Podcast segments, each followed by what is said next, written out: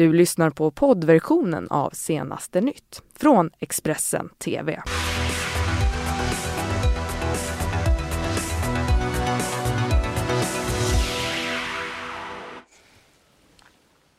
God morgon och välkomna till Senaste nytt denna torsdag. Den, eh, vi har den 25 löning alltså. Jag heter Johanna Gräns. Mm, jag heter Fredrik Lenander. Vi kikar lite på våra rubriker nu.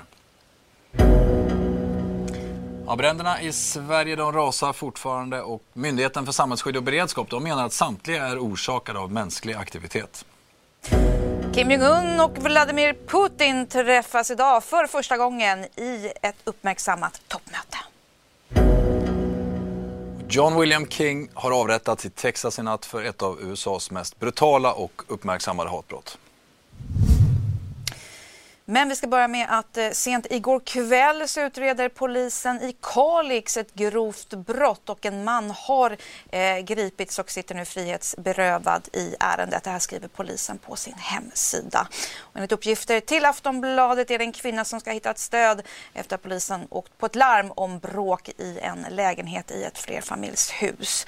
Brottsplatsen är nu avspärrad och en teknisk undersökning ska påbörjas. Mm, vi fortsätter med våra huvudnyheter de senaste dagarna. Det handlar naturligtvis om de många mark och skogsbränderna runt om i landet. Det är fortfarande värme och torka som ligger kvar över södra Sverige de kommande dagarna och risken för både gräs och skogsbränder kommer fortsatt då att vara hög. Något som är ovanligt så här tidigt på säsongen. Ja, men så är det. Och i Hästveda i Hässleholms kommun, det är ju en av de platser som drabbats hårdast av bränderna. Där har ett tiotal personer evakuerats från sina hem när elden eh, drog fram. Och idag så kommer inrikesminister Mikael Damberg på besök. Eh, vi kommer såklart att eh, rapportera löpande om eh, detta. Men det är inte bara i Hästveda som har haft problem med bränder, eller hur Fredrik? Nej, bland annat Gnosjö i Småland har drabbats. Vår reporter Alex Ljungdahl har träffat en av dem som bor i området där och eh, hon heter Louise Isaksson. Under gårdagen så fick hela eh, ledningsstaben ta plats i hennes trädgård. Går inte beskriva riktigt. Eh, ingenting som vi hade räknat med i morse när vi åkte till jobbet. Så att eh, ja, fullt med folk är det som är här och jobbar frivilligt och alltihop så det är helt fantastiskt. Och branden har ju härjat här bara eh, ett par, ja, hundra meter kanske ifrån ditt hus. Eh, och har det varit tal om någon evakuering här eller hur, hur, vad har räddningstjänsten sagt? Eh, nej, de har inte direkt gått ut med att vi ska evakuera utan det var mer att om vi kände oss på något sätt osäkra när branden var 50 meter ifrån oss eller något, eldlågorna, att om det skulle bli en evakuering så kommer det ske ganska snabbt och då måste vi vara beredda. Så att eh, vi alla i byn har förberett oss på att det kunde vara möjligt. Så alla har packat. Men det behövde vi inte. Och nu när det är, som, det är fullt av liv här, det är tre helikoptrar precis ovanför huvudet på oss och det springer brandmän här runt om och det åker brandbilar med, med blåljus. Alltså hur känns det? Alltså jag tror just nu så, alltså med mig mitt inne i så jag tror inte man riktigt har hunnit tänka efter utan det kommer sen att landa och jag tror vi alla är en ren chock. Allihop så att man bara finner sig hit just nu liksom och bara är glada att eh, bostad, eh, boningshusen och allt har klarat sig. Tycker jag. Hur orolig har du varit? Väldigt orolig, speciellt när jag såg, när jag stod där vi är nu och jag såg branden härja runt omkring oss. När jag sen fick höra av mina svärföräldrar som bor 200 meter bort att eh, det var så nära att de, de fick verkligen göra en sån brandvägg eller barriär för att hindra att branden skulle sprida sig till deras hus. Mm, och Anton Fast som är eh, pressbefäl på räddningstjänsten just i Gnosjö. Han sa så här om läget och om hur de nu jobbat under natten för att eh, släcka branden. Ja, precis. Vi har varit på plats eh, sedan klockan eh, strax efter 11 eh, och eh, branden är fortfarande inte under kontroll utan vi jobbar med att eh, upprätta och hålla våra begränsningslinjer. Och det är ju tre helikoptrar plus en polishelikopter här i luften just nu och vattenbombar. Hur länge kommer de fortsätta? De kommer fortsätta antagligen till det blir mörkt. För mörkt för dem att flyga. Mm. Eh, och det här är ju ett relativt stort område. Ni är uppemot 100 brandmän sa du tidigare och eh, sen har även Försvarsmakten anslutit med ett antal eh, personer. Hur många är de till antalet? De är cirka 50 personer från Eksjö. Mm. Och vad kommer de vara behjälpliga med här under natten? De kommer hjälpa till med, med att eh, hålla och upprätta begränsningslinjerna som eh, ja, extra brandpersonal i princip. Mm. Ja, för det är begränsningslinjer som ni har fokuserat på nu. Hur, hur gör ni för att upprätthålla dem? Ja, det är ju vatten, vattenbegjutning. Eh, slangutläggning och vattenbegjutning. Sen kör vi även med de här traktorerna med de, eh, gödseltunnor som vattenbegjuter längs vägarna. Eh, det är mycket brandbilar igång här. Finns det även bandvagnar och eh, andra fordon? Försvarsmakten har med sig eh, ett antal bandvagnar.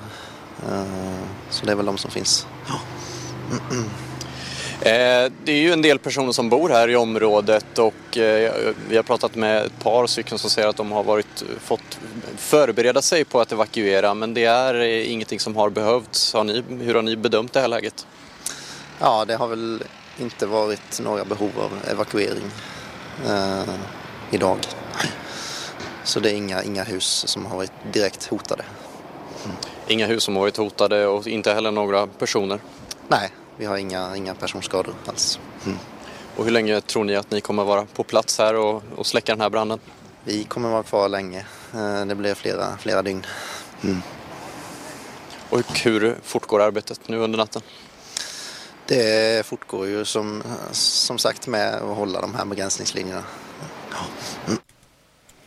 Mm, vi ska nu till ett uppmärksammat rättsfall Mm, det stämmer. Det är äh, Mikaela Norlin i Linköping som utsattes för en våldtäkt av 33-årige Hanad Mohammed från Somalia. Det här fallet gick till domstol och både i Linköpings tingsrätt och Göta hovrätt så landade i samma slutsats att 33-åringen skulle dömas till ett år och tio månaders fängelse samt då utvisning ur Sverige i tio år. Alltså två gånger har Mikaela Norlins våldtäktsman dömts till utvisning men så blir det nu inte. Det står klart efter en dom i Högsta domstolen. Hanad Mohammed från Somalia har två gånger dömts till utvisning för våldtäkt. Men i en kritiserad och oenig dom stoppar Högsta domstolen utvisningen av 33-åringen. Det var i somras som man våldtog 23-åriga Mikaela Norlin i en lägenhet i Linköping när hon sov över hos en killkompis som är bekant med Hanad Mohammed. Hon berättar i domen att hon vid upprepade tillfällen gjorde motstånd men att våldtäkten fullbordades. Hanad Mohammed åtalades för våldtäkt och i både tings och hovrätt dömdes han till ett år och tio månaders fängelse samt utvisning ur Sverige i tio år. Men fallet överklagades till Högsta domstolen och på onsdagen meddelades att utvisningen alltså rivs upp. Våldtäktsmannen får stanna i Sverige efter att han avtjänat fängelsestraffet som skärptes till två år och två månader. Huvudskälet till att utvisningen till Somalia rivs upp är den tid som Hanad Mohammed vistats i Sverige. Lagen säger att det krävs synnerliga skäl för att utvisa den som haft uppehållstillstånd i landet i mer än fyra år, vilket han har haft. Efter att Högsta domstolens dom fallit säger Mikaela Norlin till Expressen att citat att de väljer att höja hans straff med endast fyra månader istället för utvisning tycker jag är helt sinnessjukt. De säger att det inte finns synnerliga skäl att utvisa, men jag tycker att en våldtäkt definitivt borde vara skäl nog. Utfallet i Högsta domstolen är med minsta möjliga marginal, Två av de fem justitieråden ville utvisa 33-åringen, bland dem ordföranden Anders Eka. Hur, hur starkt bedömer man anknytningen till Sverige i det här fallet? Vilken betydelse har den tid man har varit här också i andra vågskålen så ligger framförallt då det här brottet och brottets allvarlighet. Så att det är ju alltid en avvägning och helhetsbedömning. Det är svårt att sätta fingret precis på någonting men vi viktar det lite olika, så kan man säga. Och det är ju i och för sig ett allvarligt brott som min klient är dömd för. Men man får ju väga det emot att han har varit här i Sverige under väldigt lång tid. Domen i Högsta domstolen har väckt starka reaktioner, bland annat från flera politiker och vissa efterfrågar en lagändring. Justitie och migrationsminister Morgan Johansson har tidigare uttalat sig om att huvudregeln generellt borde vara att personer som inte är svenska medborgare men begår grova brott borde utvisas. Med det här utslaget som nu, nu kom så visar det sig att här finns ett, eh, ett starka skäl för att skärpa eh, reglerna. Därför så, så eh, skriver vi nu på ett utredningsdirektiv för att göra en översyn av, av lagstiftningen här så att man kan utvisa i ökad utsträckning. Ja, vi ska gå direkt över och titta på bilder ifrån eh, östra Ryssland för det handlar om att eh, Vladimir Putin, presidenten i landet, möter just nu för första gången Nordkoreas diktator Kim Jong-Un. Och eh, det här är alltså livebilder, jag tror det är nyhetsbyrån AP som sänder ut ett möte som då har eh, emotsetts mycket av dessa båda länder som då haft en historia under lång tid tillsammans och framförallt kanske de förenas i att vara historiska fiender också till USA. Men efter att Donald Trump och Kim Jong-Uns toppmöte i Hanoi då eh, inte lyckades komma vidare så har nu alltså Kim Jong-Un valt att träffa Vladimir Putin, något som Putin då ska ha velat under en lång tid. Detta är ett möte som vi naturligtvis kommer att bevaka under dagen vår utrikesredaktör Mats Larsson är med lite senare i sändning för att kommentera detta. Mm, vi kan ju tillägga att eh, det som står högst på agendan troligtvis, eh, då enligt Kreml eh, så kommer Nordkoreas huvudstad eh, Pyongyangs eh, eh nuk eh, nukleära eh, program eh, vara högst på eh, agendan. Det här skriver Reuters. Mycket spännande möte alltså som vi kan fortsätta rapportera om här under morgonen. Absolut, vi ska också hinna med att gå till USA för det har skett en mycket uppmärksammad avrättning där under natten. Ja, men så är det. Det är nämligen så att John William King han som hjälpte till att iscensätta ett av eh, de mest avskydda eh, hatbrotten i modern amerikansk historia. Mordet på James Byrd Jr i Texas har nu avrättats. Det var 1998 som James Byrd Jr kedjades fast bakom en bil och släpades i fem kilometer inom skogen nära Jasper i delstaten Texas. Och enligt den rättsmedicinska undersökningen så dog han först efter att ha släpats de tre kilometer bakom bilen.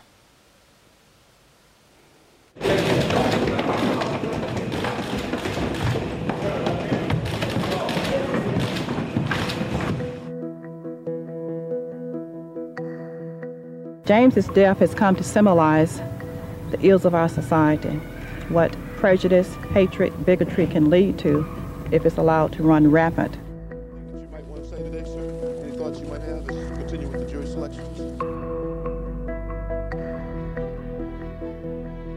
As far as any regrets, no, I, I st- I'm still, I, I have no regrets.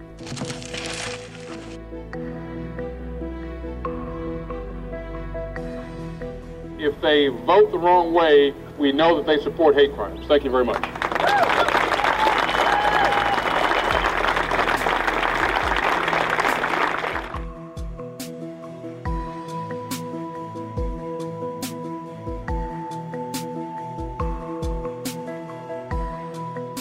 I had to forgive because if I didn't, hate would eat me up just like it ate him up. And I refused to live that life like that. Life is too precious to be just consumed with hate all the time, so I refuse not to take that step.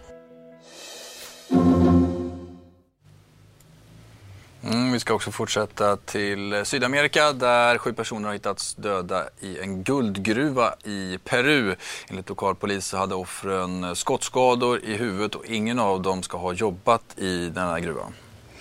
Det stämmer bra. Teorin är att de sju ska ha tagit sig in i eh, gruvan när arbetet låg nere för påskfirande och i jakten då på guld stött på en rivaliserande grupp. Mm, det där var nyhetssändningen just nu. Vi fortsätter att bevaka toppmötet i Vladivostok där eh, Vladimir Putin då tagit emot Kim Jong-Un. Det blir spännande att se vad de avhandlar där under dagen. Ja, men så är det verkligen. Och mer nyheter hittar ni såklart på Expressen.se.